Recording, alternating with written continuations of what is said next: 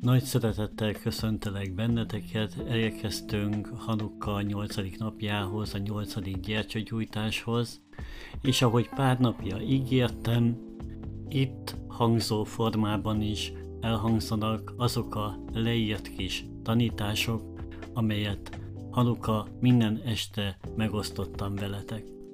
Az első négy az már fent van, ezt hallgathatjátok, és most az ötödiktől a nyolcadik esti tanításig olvasom, illetőleg mondom el nektek itt a podcaston. Hát vágjunk is bele. Az ötödik este az ötödik láng csodájáról és üzenetéről beszéltem, vagyis légy kreatív gondolkodású. Az életünkben gyakran tapasztaljuk és érezzük azt, hogy szűkek a lehetőségeink. Valahogy kinőttük azt a teret, amiben mozgunk, és ezáltal folyamatosan nagyobbra, tágabbra, levegősebbre vágyunk. Ez nem a régi feladásának vagy elfelejtésének az érzése, hanem az új megélésének a vágya. A legjobb ilyenkor, ha megkérdezzük magunktól, mi a legjobb, amit ilyen helyzetben megtehetek, hogy a legjobb történjen velem? Én azt gondolom, hogy ilyenkor vegyük elő a képzeletbeli varázsdobozunkat, ahová a megoldásokat, az ötleteinket, az, elképzel, az elképzeléseinket rejtettük, és vegyük hozzá a bátorságot is ahhoz, hogy megvalósítsuk azokat. Mert minél inkább megtanulunk túllátni a korábbi korlátainkon, annál nagyobb teret szabadítunk, vagy szabadíthatunk fel a bennünk lévő fény számára. Az idézetet a könyvkötőből hoztam ezen az este, amely így hangzott, nos úgy hiszem, a tudás valójában egyfajta mágia. A hatodik este és a hatodik este gyertyagyújtása az egy különleges este volt, hiszen szombatra Sábez bejövetelére esett. Ezért talán nem véletlenül azt az üzenetet fogalmaztam meg a hatodik láng csodájaként, hogy csatlakozz Istenhez. Miközben írom ezeket a sorokat, azon tűnődöm, hogy mi az, amit Sábez bejövetele előtt mondhatnék, mi az, amiben a legmélyebben hiszek, és mi a hatodik láng csodája felénk, az emberek felé. Én úgy gondolom, hogy nem más, mint az, hogy az Istennel való kapcsolat létrehozásának és fenntartásának része, hogy elhisszük, hogy szeret bennünket, elhisszük, hogy hisz bennünk, és elhisszük, hogy közel akar lenni hozzánk. Az élet nem egyformán ad, mint ahogy nem egyformán vesz el sem. De egy valamiben teljesen bizonyos vagyok, hogy egyformán mér bennünket, ami aztán kiegyenlíti a dolgokat. A napi idézet a röpke pillanat csak földi ragyogásunk könyvből származott. Idézem, anya, mindeddig azt mondtam magamnak, hogy háborúból születtünk, de tévedtem. Mi szépségből születtünk. Senki se higgye azt, hogy mi az erőszak gyümölcse vagyunk. Inkább az történt, hogy az erőszak átment a gyümölcsön, de nem sikerült tönkretennie. Ránk köszöntött az új hét, a hetedik este. A hetedik láng csodája, amelynek üzenete, hogy fogadd el a változást.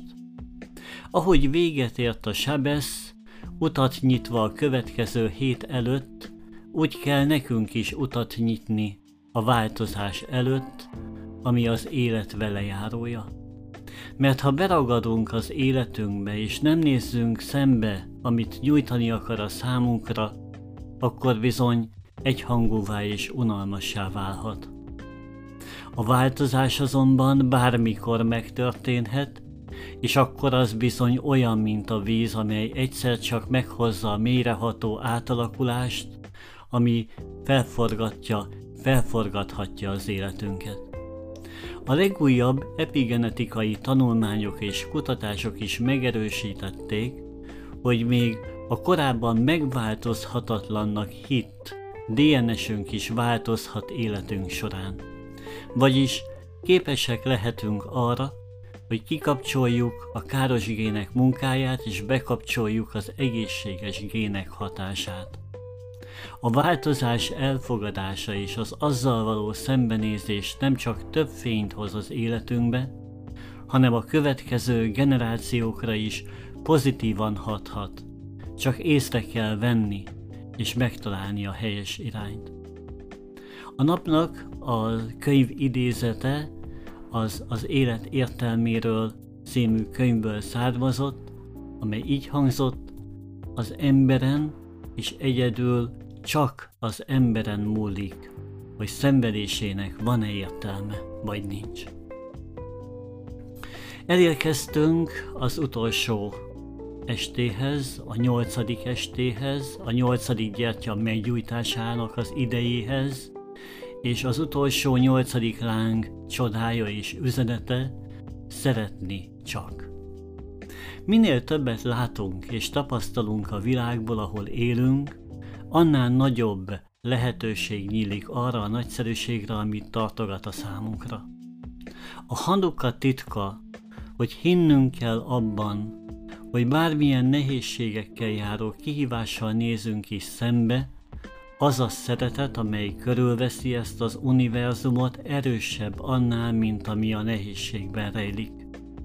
A hasmoneusok győzelmének titka az volt, ha nincs is kiút, akkor is küzdöttek azért a jóért, amiben hittek.